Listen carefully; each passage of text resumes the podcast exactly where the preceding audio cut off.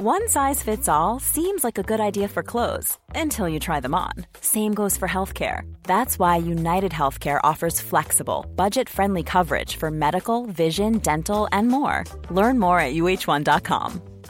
This is Paige, the co-host of Giggly Squad, and I want to tell you about a company that I've been loving, Olive and June. Olive and June gives you everything that you need for a salon quality manicure in one box. And if you break it down, it really comes out to $2 a manicure, which is absolutely insane. It's also so easy to get salon worthy nails at home with Olive and June. The difference between how your nails used to look when you did them yourself and now with the Manny system is a complete game changer. The best thing about Olive and June too is it's a quick dry, dries in about one minute, lasts for five days, and full coverage in up to one to two coats. Visit oliveandjune.com slash perfectmanny20 for 20% off your first system. That's oliveandjune.com slash perfectmanny20 for 20% off your first system. Hey, it's Ryan Reynolds, and I'm here with Keith, co star of my upcoming film, If, only in theaters, May 17th. Do you want to tell people the big news? All right, I'll do it. Sign up now and you'll get unlimited for $15 a month in six months of Paramount Plus Essential Plan on us. Mintmobile.com slash switch. Upfront payment of $45 equivalent to $15 per month. Unlimited over 40 gigabytes per month. Face lower speeds. Videos at 480p. Active Mint customers by 531.24 get six months of Paramount Plus Essential Plan. Auto renews after six months. Offer ends May 31st, 2024. Separate Paramount Plus registration required. Terms and conditions apply if rated PG. Gjenklang. I grålysningen blir noen unge menn henta ned fra en lastebil i Trandumskogen. De er barbeinte og kun iført bukse og skjorte. De er bundet sammen to og to ved overarmen. Nå føres de til kanten av en massegrav inne mellom store grantrær. Navnene leses opp sammen med dommen. Dømt til døden på grunn av virksomhet for en fiendtlig stat. De får bind for øynene og blir stilt opp to og to ved gravkanten. Kameratene har kjempa sammen mot en brutal okkupant. For Norges frihet og et rettferdig samfunn. Nå er det slutt.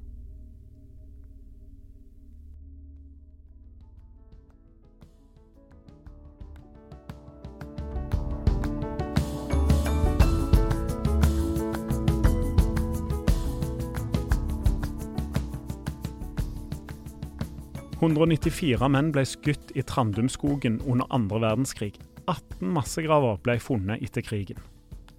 Hvem var de, og hvorfor ble de drept? Ni av de som ble drept, var motstandsfolk tilknyttet Kjemsland-gruppa. I fredsdagene i 1945 ble innsatsen hylla, før det ble en fortiet historie. Velkommen til Historier som endret Norge. Mitt navn er Kristian Gilsvig, og i dag så har vi besøk av historiker og forfatter Jan Magne Arntzen. Velkommen til Historier som endret Norge. Takk for det. Du har jobba som lektor på Randaberg videregående skole, og der møttes vi første gang. Og så har du skrevet en, en haug av bøker om, fra andre verdenskrig og om Kjemsland-gruppen. Og de ender jo i Trandumskogen 9. mai 1944. Og Det er der jeg har lyst til å begynne litt, og det er der vi hørte, hørte vi begynte òg i, i, innledningen i dag. Hvor er Trandum, og hvilken rolle spilte Trandum under krigen? Ja, for det første, Trandum og Trandumskogen. Den enkleste måten å, å plassere det geografisk er at det ligger ganske nær Gardermoen. I okkupasjonsåra så ble Trandum og Trandumskogen benytta som et henrettelsessted.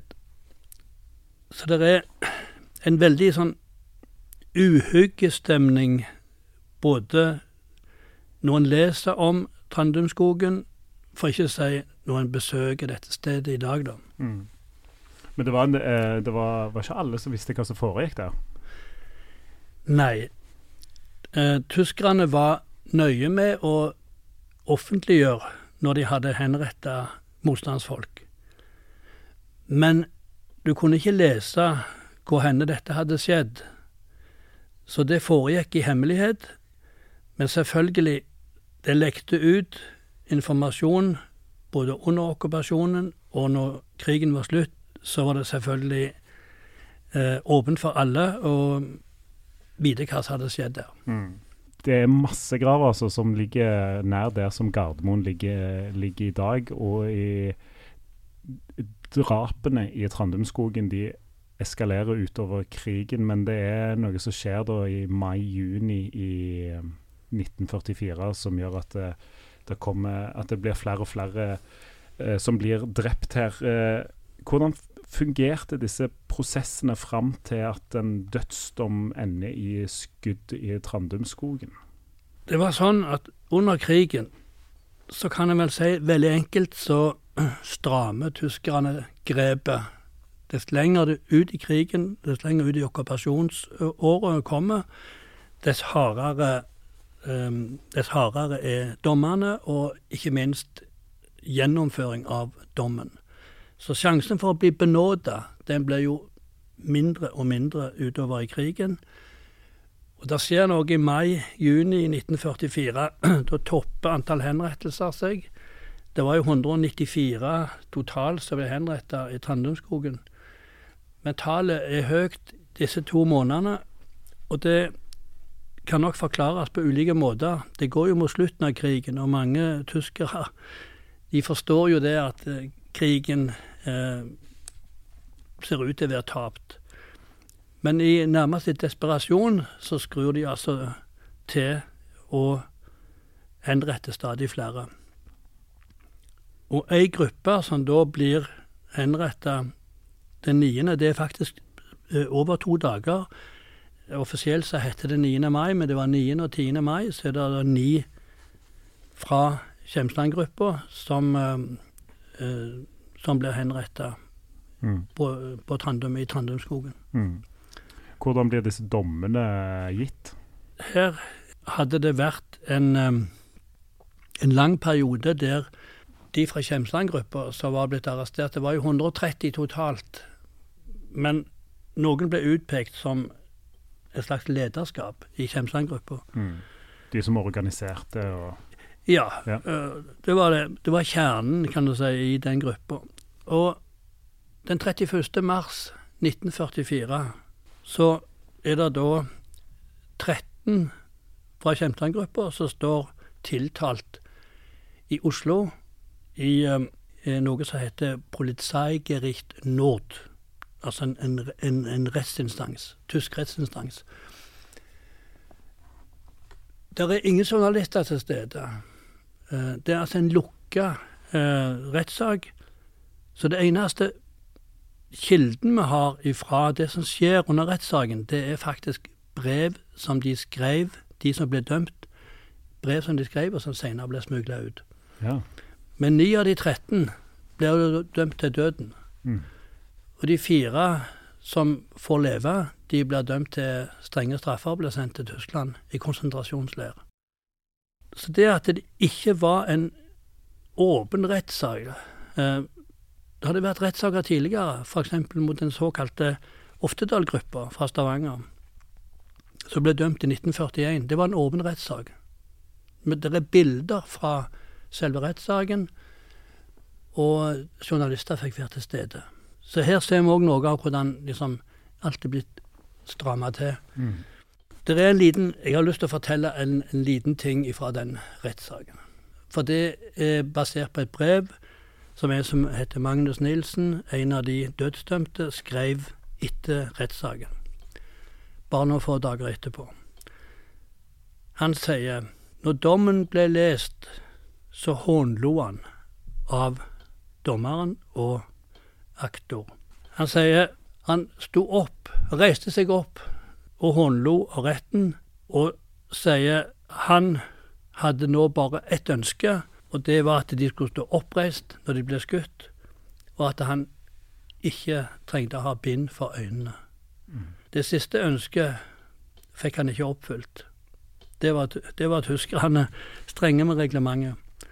Men det er ingenting som tyder på at de brøt sammen.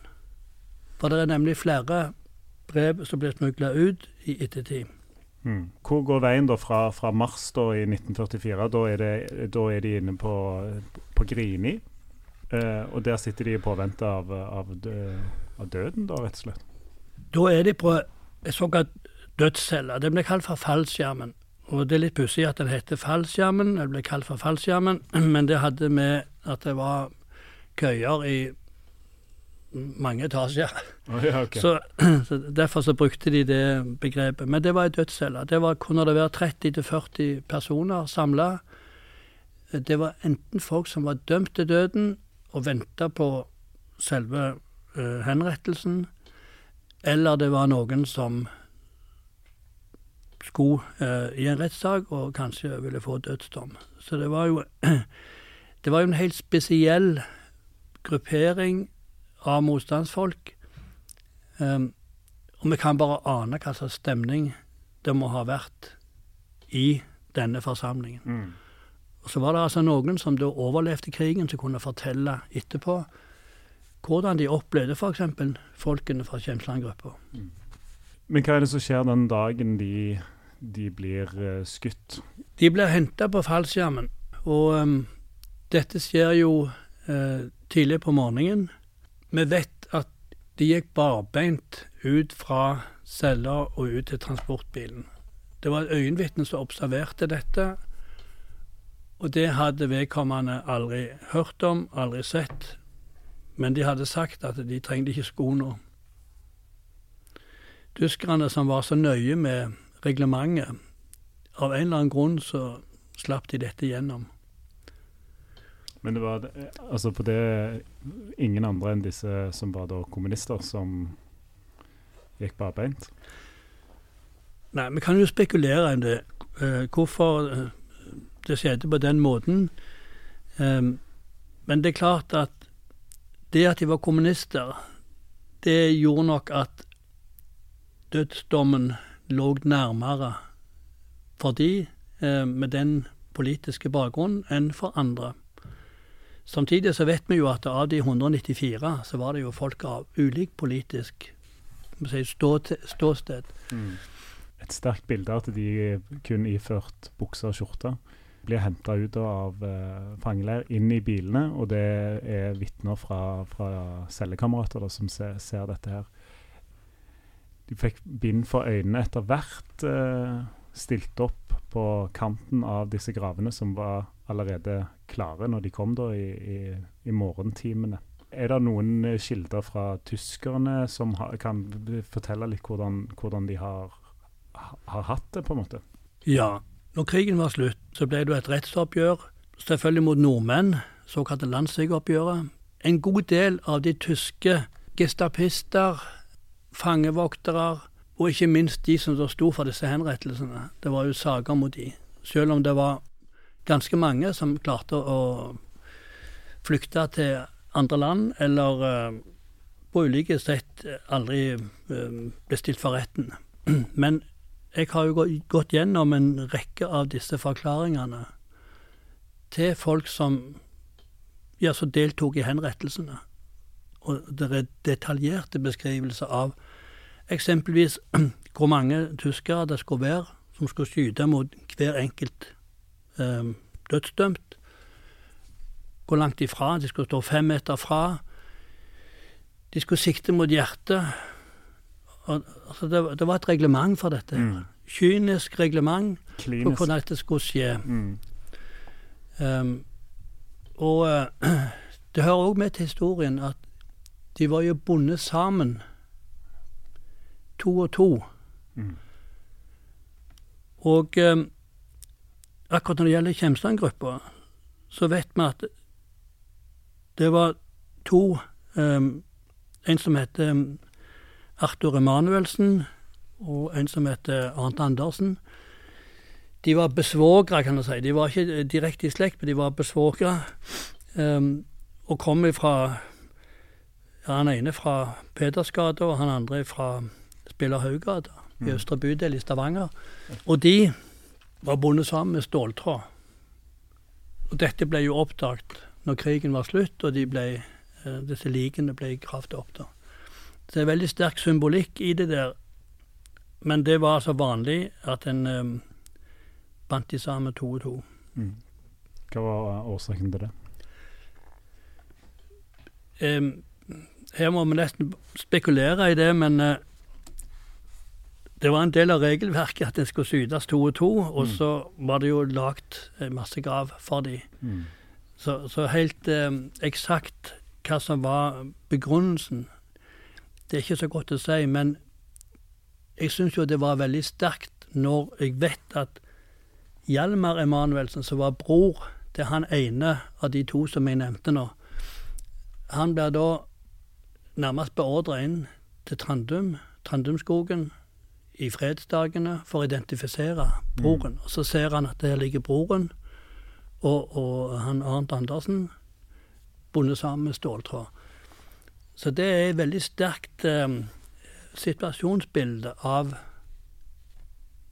ja, det som, det som de da får se i, eh, i fredsdagene.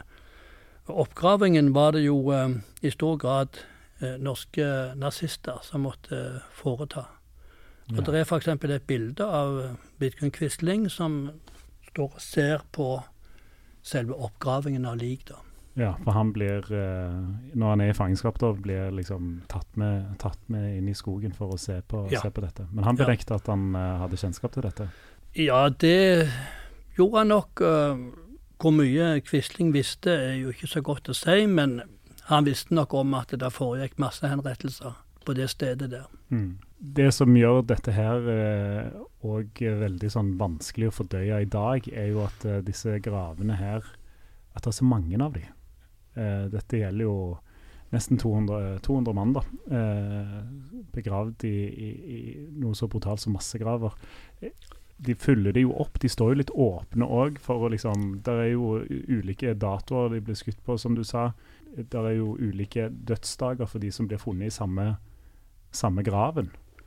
De var jo ikke så nøye med uh, dybden på gravene, så vi kan bare spekulere i hvor kynisk alt dette her var rundt henrettelsene. Uh, så gravene var grunne, og, og uh, vi må gå ut fra at de gjerne måtte spa opp inn en del av den massegraven for å få plass til nye. Mm. Så det er jo 19, 19 eh, motstandsfolk som ligger i den som heter Grav 17. Nå ble jo, nå ble jo levningene flytta til hjemstedene etter krigen. Så det, det, det er jo ikke levninger igjen der i dag, men, men eh, gravsteinene står jo der. This is Paige, the co-host of Giggly Squad, and I want to tell you about a company that I've been loving, Olive and June. Olive and June gives you everything that you need for a salon quality manicure in one box. And if you break it down, it really comes out to $2 a manicure, which is absolutely insane. It's also so easy to get salon worthy nails at home with Olive and June. The difference between how your nails used to look when you did them yourself and now with the Manny system is a complete game changer. The best thing about Olive and June too is it's a quick dry. Dries in about one minute, lasts for five days, and full coverage in up to one to two coats. Visit oliveandjune.com slash perfectmanny20 for 20% off your first system. That's oliveandjune.com slash perfectmanny20 for 20% off your first system. Hey, it's Ryan Reynolds, and I'm here with Keith, co star of my upcoming film, If, only in theaters, May 17th. Do you want to tell people the big news? All right, I'll do it. Sign up now and you'll get unlimited for $15 a month in six months of Paramount Plus Essential Plan on us. Mintmobile.com slash switch. Upfront payment of $45 equivalent to $15 per month. Unlimited over 40 gigabytes per month. Face lower speeds. Videos at 480p. Active Mint customers by 531.24 get six months of Paramount Plus Essential Plan. Auto renews after six months. Offer ends May 31st, 2024. Separate Paramount Plus registration required. Terms and conditions apply if rated PG. A lot can happen in the next three years. Like a chatbot may be your new best friend. But what won't change? Needing health insurance. United Healthcare Tri Term Medical Plans are available for these changing times. Underwritten by Golden Rule Insurance Company, they offer budget friendly, flexible coverage for people who are in between jobs or missed open enrollment. The plans last nearly three years in some states, with access to a nationwide network of doctors and hospitals. So, for whatever tomorrow brings, United Healthcare Tri Term Medical Plans may be for you. Learn more at uh1.com. Litt mer om denne Kjemsland-gruppa som du har, eh, du har skrevet en bok om. Boka heter 'En fortiet historie'. Det som gjør at de ender opp i Trandumskogen, er jo Er det fordi at de er kommunister? Svaret på det er vel både et lite ja, men et stort nei. Fordi når det ble skrevet om disse henrettelsene, f.eks. på 90-tallet, Stavanger Aftenblad hadde et stort oppslag, så heter det at eh, de ni ble skutt som represalier. Altså de hadde ikke gjort så mye galt sjøl, men det var andre som hadde drevet motstandsarbeid, og så skulle en da hevne seg med represalier mot disse. Når jeg jobba med, med boka som heter 'En fortiet historie', og spesielt de tyske kildene, så ser jeg jo at dette var et helt annet omfang enn um, det som har kommet fram i si, standardlitteratur og, og, medier tidligere. For det var nemlig sånn at uh, for jeg fant ut ca. Ja, mer enn ti forskjellige aksjonsformer hadde disse uh, i Kjemsland-gruppa. Det betyr de, had, de utga illegal avis. De hadde eh, holdt folk i dekning, altså folk som var ettersøkt. Eh, de drev med sabotasje. De hadde sprengstoff. De hadde våpen. Og, og uh, i det hele tatt en rekke forskjellige aksjonsformer. Og når arrestasjonsbølga startet i august 1943 så er det altså 130 personer som blir arrestert. Av de så er det totalt ti, altså de ni på Trandumskogen og én i Gestapo-kjelleren i Stavanger. Så ti dødsofre og 130 arrestert. Så det var den største aksjonen i hele Rogaland under de fem årene med okkupasjon. Så, så um, omfanget av det som Kjemsland-gruppa hadde utført, det kom egentlig for en dag med å gjennomgå de tyske kildene. Med de mm. daglige meldingene som heter 'Meldungen aus Norwegen', som ble sendt til Berlin fra, um, ja, fra norske um, instanser, da, tyske instanser. Der kommer det fram hvor stort dette var. Jeg svarte vel ikke helt på spørsmålet om det var pga. de var kommunister, men det var nok en um, medvirkende um, faktor, kan en si, for at de fikk dødt, dødt som så mange. For det var nemlig sånn, allerede fra krigens begynnelse så ser vi at kommunistene er på en måte den Det blir oppfattet som den farligste grupperingen politisk eh, av tyskerne. Allerede sommeren 1940 så er det dokumentasjon på det. Og så er det jo da sånn at Kjemsland-gruppa hadde sitt utspring i Ungkommunistene, er en organisasjon i Stavanger. De var veldig få, kanskje bare 10-15 unge menn. Eh, men de drev nå dette ungdomslaget må si, illegalt.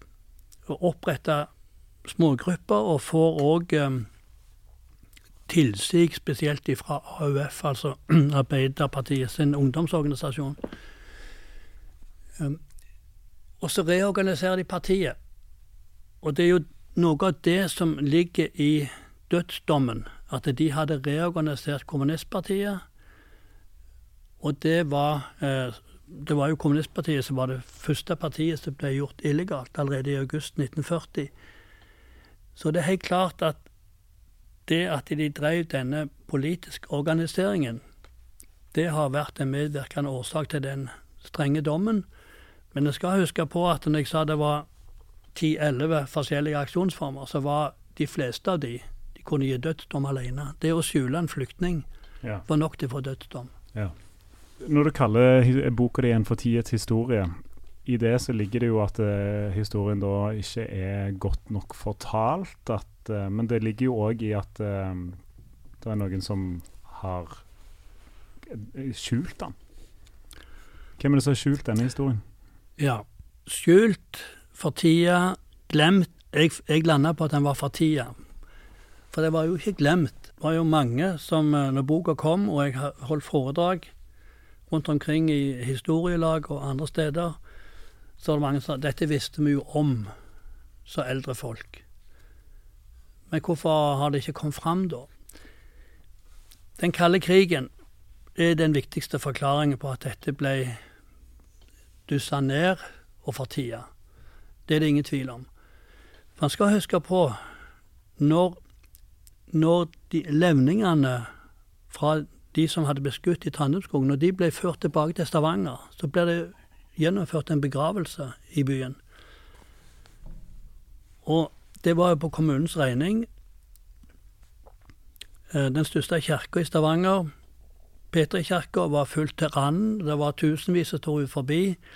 Og det var det største gravfyllet som hadde vært i Stavanger. En by som har fostra f.eks. Alexander Kielland. Det hette det i mediene den gangen. Så det var svært. Det var svært, og de ble hylla som helter. Og Så går det altså da bare tre-fire år, så viskes dette her forsiktig ut. For det som har skjedd, er at kommunistene og kommunistpartiet, som jo i Stavanger hadde oppi 30 av stemmene ved valg i 1945, var på en måte falt i unåde når den kalde krigen slo inn på slutten av 40-tallet. Og dermed så sier det at eh, altså det ble en gradvis fortielse. Og det, det er fordi han ser hva, hva Sovjet gjør. Eh, redselen for at eh, eh, Altså aldri mer 9. april, sant? og så ser en hvordan Sovjet holder på. Eh, Gerhardsen ønsker å trekke, trekke Norge inn i Nato, og da hardner de, de frontene seg òg, da. Ja. Frontene blir harde, og det blir en kald krig. I betydningen eh, En omdefinerer kommunistene fra å være helter til å bli potensielle landsforrædere. Mm. Sånn at i 1948 ble det jo holdt et møte på Stavanger torg. Eh, der er 10 000 til stede.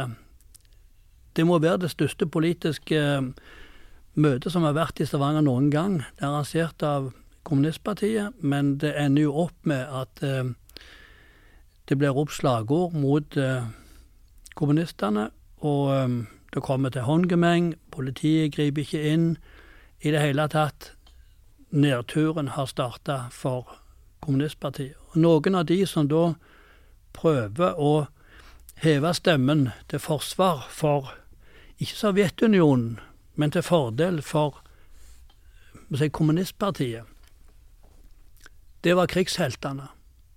Så de er blitt omdefinert fullstendig.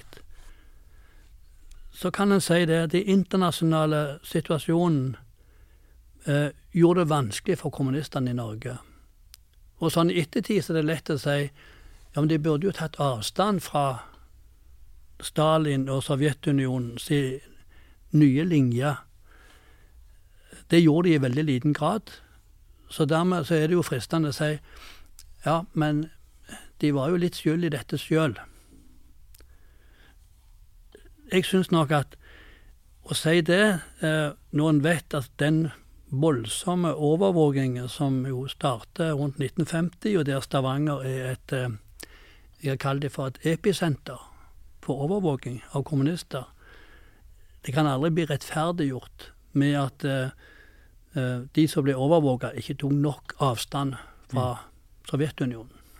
Du beskriver at det skjer ganske fort fra, fra de blir liksom hylla eh, etter krigen, til, til opinionen snur, snur mot dem. Hvordan, eh, hvordan var det for de som hadde opplevd dette under krigen, å få, å få opinionen snudd mot seg på denne måten? Jeg har gått inn og sett på noen helt konkrete eksempler på dette her. Det som er gjennomgående, det er jo at eh, de får psykiske problemer, de får alkoholproblemer, de får ulike typer av vansker, forståelig nok, for de opplever dette som et voldsomt fall. Altså dette er jo folk som Hvis jeg sier at det, den 8. mai 1945 så var det tre fanger igjen i Gestapo-kjelleren i Stavanger. Den ene heter Magne Bakke. Han hadde da vært med og drevet en radiostasjon, altså radiosender, eh, i Lyssevatnet, og var blitt arrestert noen dager før. Så han, han skulle skytes. Men, men det hadde gått så få dager, så dette hadde jo ikke skjedd. De to andre, eh, Magne Bakka var ikke kommunist. De to andre, det var en som heter Konrad Dale fra Sandnes, som var kommunist. Og den tredje var en som heter Ingvar Wiig fra Stavanger, som òg var kommunist. Og to av de tre var altså kommunister. De skulle skytes, men dette skjedde ikke. Jeg har fulgt Ingvar Wiig, som hadde deltatt i en likvidasjon av en NS-mann. Men han hadde òg vært med og sprengt Knottfabrikken i Hillevåg. Det var jo den eneste store sabotasjeaksjonen i Stavanger under okkupasjonen. Jeg har fulgt Ingvar Wiig ved hjelp av hans datter, som har fortalt meg hvordan det gikk med han, og òg kona til Ingvar Wiig. De to ble torturert samtidig i Gestapo-kjelleren. og Begge fikk ødelagt livet sitt etter det som skjedde der. Og de opplever da at de går fra å være helter til å få folk sin vrede imot seg. De er nå ikke klar over sjøl at de blir overvåka, men det blir de altså. Så de får ødelagt livet sitt. Eh, og det er bare si, to eksempler på hvor galt dette kunne være. Men det, det hører jo med til historien at de, de visste ikke om det sjøl. De hadde mistanke om at de ble overvåka. Av og til så kunne de høre gjerne opptak av sin egen telefonsamtale ja. uten at de kunne forklare det. Og hvis de gikk, prøvde å, klage til noen, ingen ville høre på det. Nei. Eh, I denne podkasten her, 'Historie som endret Norge', så pleier jeg å spørre hvordan, eh, hvordan har dette endra Norge? Kan man si at skuddene i Trandumskogen har endra Norge? Ja, det er spesielt um, I den nyere tid så har det vært en, et veldig fokus på krigen og motstandsarbeidet og de grusomhetene som uh, tyskerne sto bak i Norge. Og da har jo Trandumskogen fått en helt spesiell plass, som jeg innleda med. Fordi at så mange ble skutt der av um, unge menn som hadde deltatt i motstandsarbeidet.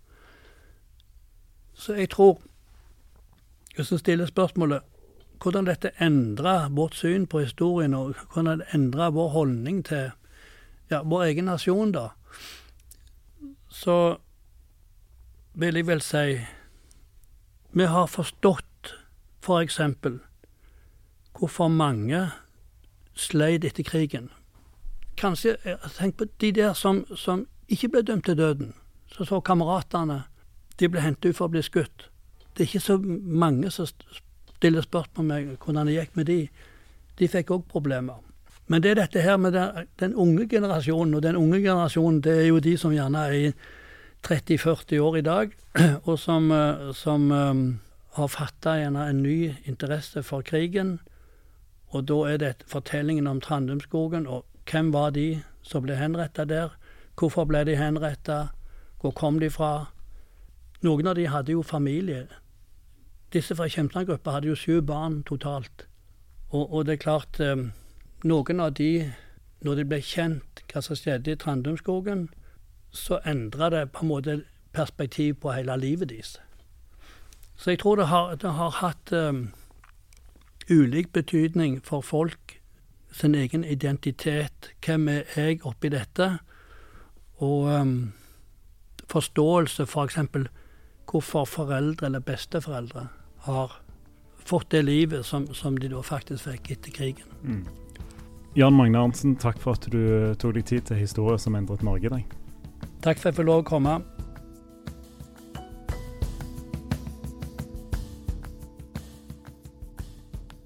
Hvis du er glad i historier som endret Norge, så vil du òg like historier som endret verden. Kollega Kristian Konglund han eh, kommer med en ny episode hver torsdag. Og nå på torsdag så kommer han med en splitter ny episode av Historier som endret verden. Ta og Sjekk ut eh, den. Du kan òg eh, følge oss i Historier som endret Norge på Instagram. Der legger vi ut bilder og videoer som er relatert til ukens episode. Der kan du òg komme i kontakt med meg om du har episodeønsker eller gjesteforslag. Ta og send meg en melding på Instagram. Historier som endret Norge. Gjenklang.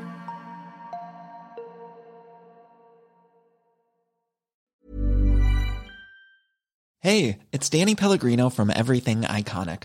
Ready to upgrade your style game without blowing your budget? Check out Quince. They've got all the good stuff shirts and polos, activewear, and fine leather goods, all at 50 to 80% less than other high end brands. And the best part? They're all about safe, ethical, and responsible manufacturing. Get that luxury vibe without the luxury price tag. Hit up quince.com slash upgrade for free shipping and 365 day returns on your next order. That's quince.com slash upgrade.